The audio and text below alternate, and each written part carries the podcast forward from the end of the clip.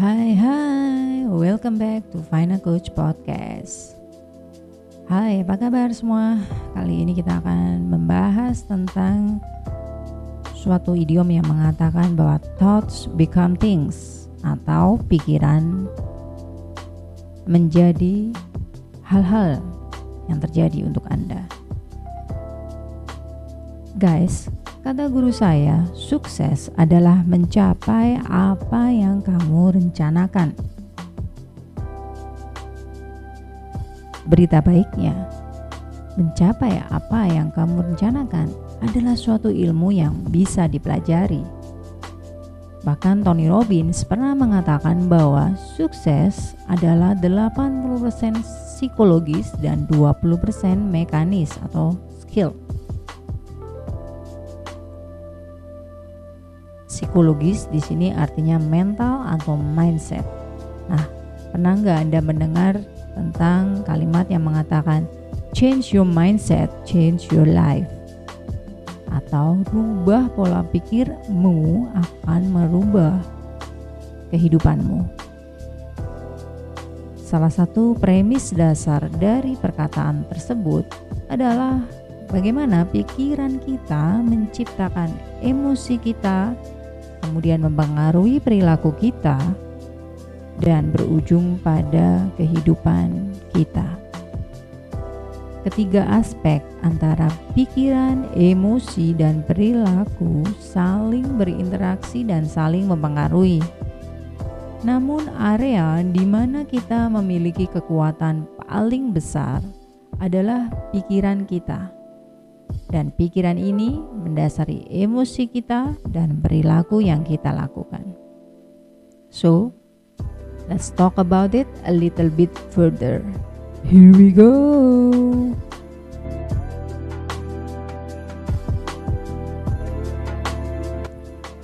Guys, kita akan berinteraksi dengan dunia ini melalui panca indera kita ya. Katakan ada lima, ada penglihatan, pendengaran, sentuhan, penciuman, dan perasa.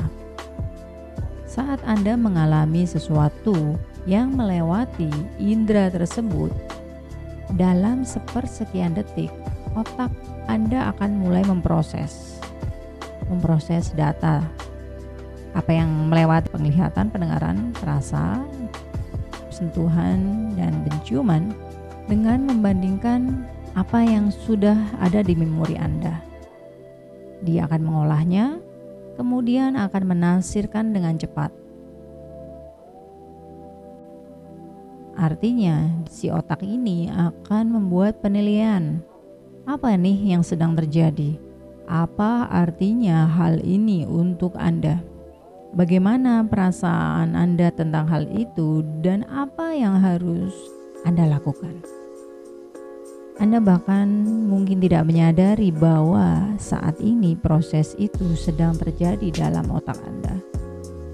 Sampai suatu hal terjadi menyebabkan pikiran Anda menafsirkan suatu situasi menjadi negatif atau positif. Kita buat situasi yang slow motion. Let's say Anda mengalami hari yang buruk. Ada orang yang menyeram serampangan menyerobot Anda di jalan. Situasi yang muncul di hadapan Anda itu kan melewati indera penglihatan ya atau mungkin pendengaran ketika dia menyerobot Anda. Anda melihat ketika dia mengklakson Anda mendengar. Indera Anda mengcapture gambar itu. Kemudian mengirimnya ke otak yang akan mengolahnya dengan menggunakan perspektif atau keyakinan yang ada dan menciptakan reaksi dalam tubuh Anda. Jika menurut keyakinan Anda, situasi itu ada hal yang menyenangkan, akan memicu keluarnya hormon tertentu yang menyenangkan. Jika menurut keyakinan Anda, apa yang sedang terjadi bukan hal yang menyenangkan, maka akan memicu keluarnya hormon yang tidak menyenangkan.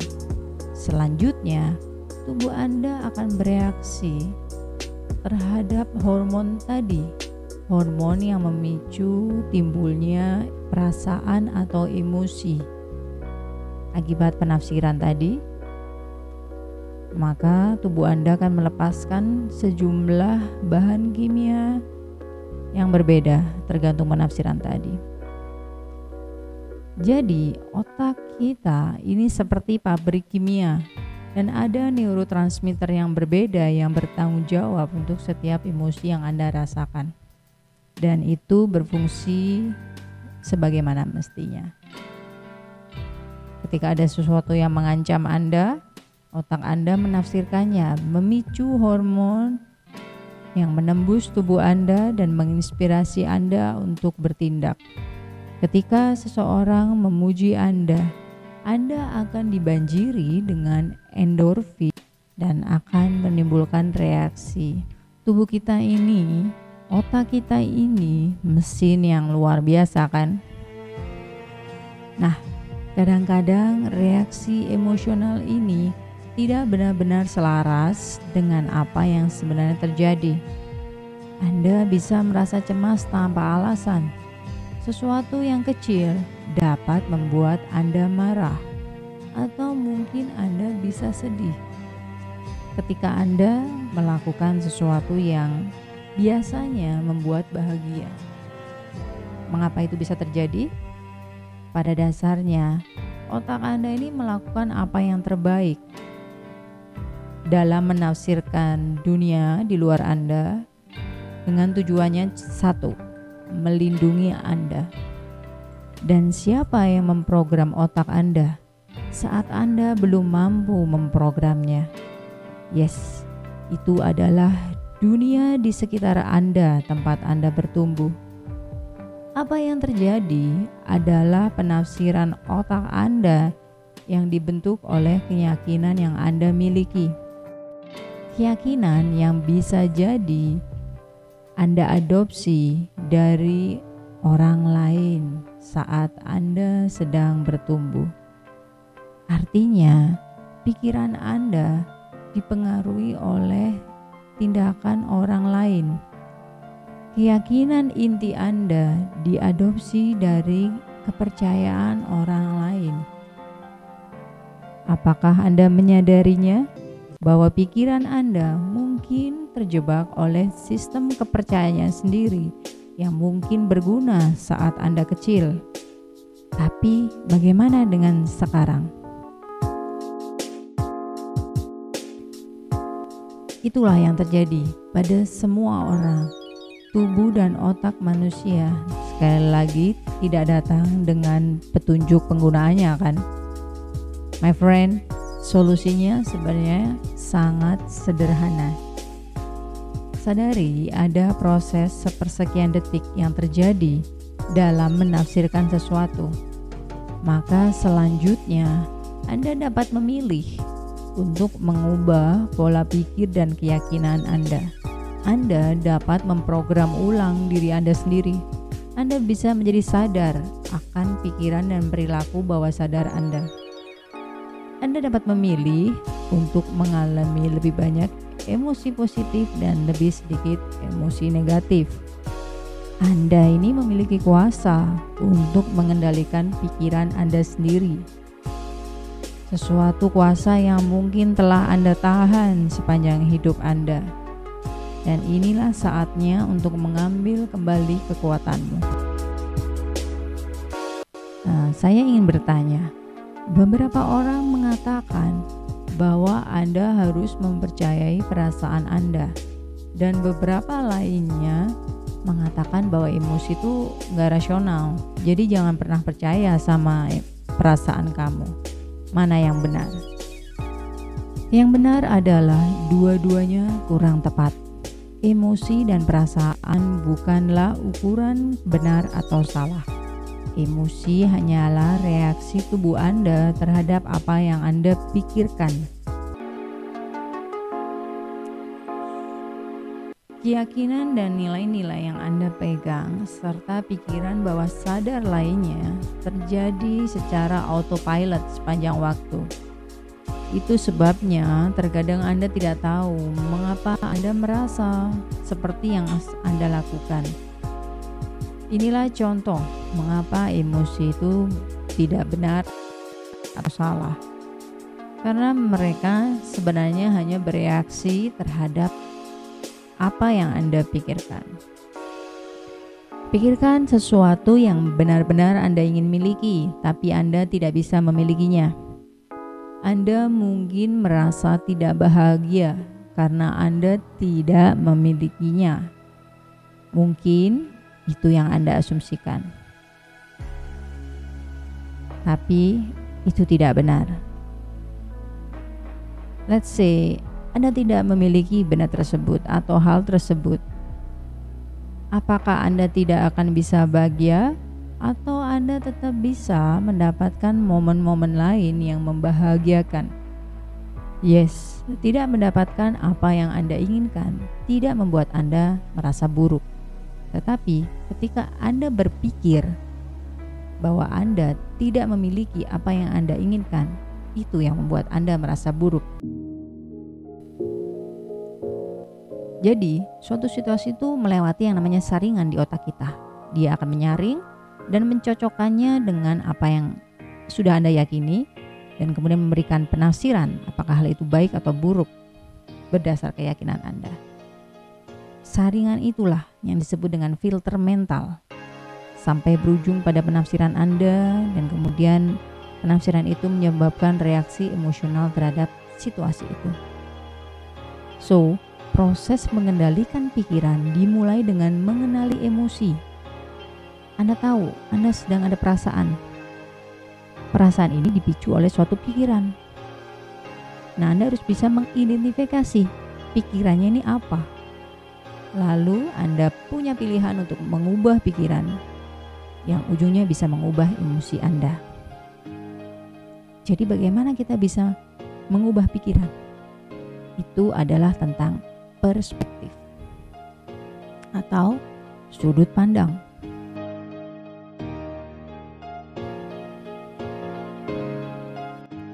Kita kasih contoh lagi ya. Katakan, Anda memiliki anak yang sedang mengalami ujian. Biasanya dia mendapatkan nilai baik, mungkin nilainya 9 dan ketika hari ini adalah waktunya Anda menerima laporan dari guru anak Anda, Anda dengan santainya duduk di situ dan berpikir bahwa semuanya akan baik-baik saja. Guru datang dan dia menyampaikan kepada Anda bahwa kali ini anak Anda mendapatkan nilai 6. Anda merasa kaget dan mungkin merasa cemas. Anda berpikir bahwa anak Anda telah gagal, dan Anda mungkin mulai mengeluarkan pernyataan mengapa hal ini terjadi kepada diri Anda. Mengapa tidak sesuai dengan harapan Anda? Sang guru yang mendengarkan pernyataan Anda tersenyum dan mengatakan, "Bukankah ini hal yang baik buat ibu karena dengan demikian anak ibu akan bisa belajar dari yang dinamakan dengan kegagalan. Kegagalan untuk mempertahankan nilai. Anak ibu akan belajar bahwa saat dia tidak berusaha untuk mempertahankan nilai, maka nilainya akan turun. Jadi bukankah ini adalah kesempatan yang baik? Bukankah hal yang baik, Bu? ketika anak ibu memiliki goals yang baru di semester depan. Anak ibu akan memiliki target perbaikan, sehingga dia akan lebih berfokus. Wow, Anda tercengang mendengarkan kata-kata sang guru. Apa yang dikatakannya mulai masuk ke dalam pemikiran Anda, dan Anda memiliki keyakinan bahwa di balik setiap yang terjadi ada suatu pembelajaran. Tiba-tiba hal buruk itu bukan lagi menjadi hal yang buruk, bukan? Situasi mulai berubah. Anda melihat perubahan dalam satu situasi yang sama, dalam satu fakta yang sama. Pada saat Anda mengubah sudut pandang Anda, Anda mengalami situasinya secara berbeda, dan ketika Anda mulai melakukan itu, situasi menjadi berubah.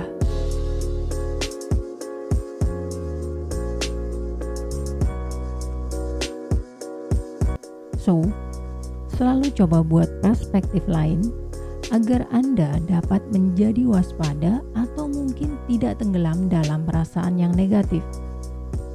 Cara sederhananya adalah tanyakan hal baik apa yang ada di balik situasi tersebut.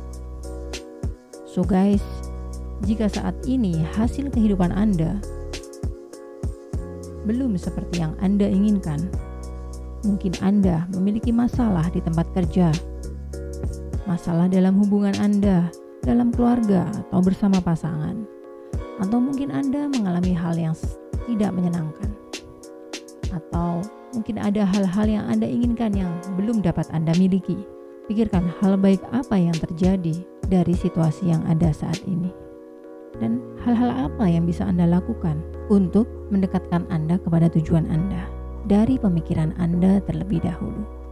My friend, anda telah menyaksikan bahwa pikiran Anda lah yang menciptakan emosi Anda, yang kemudian menjadi kekuatan pendorong untuk perilaku Anda, karena semua keputusan yang Anda buat didasarkan tentang bagaimana perasaan Anda, sehingga perilaku yang Anda tunjukkan dan tindakan yang Anda ambil adalah hasil langsung dari pikiran Anda. Perilaku dan tindakan Anda adalah yang menentukan hasil. Hasil yang Anda alami dalam hidup Anda, baik yang Anda inginkan maupun yang tidak Anda inginkan. So, dengan mengubah pikiran Anda, Anda benar-benar dapat mengubah hidup Anda secara harafiah. So, mari kita selami lebih lanjut tentang cara kerja berpikir sehingga Anda bisa memanfaatkan pengetahuan ini dan kita kembangkan kehidupan Anda menjadi lebih baik Sampai ketemu di episode selanjutnya ya. I see you when I see you. Bye bye.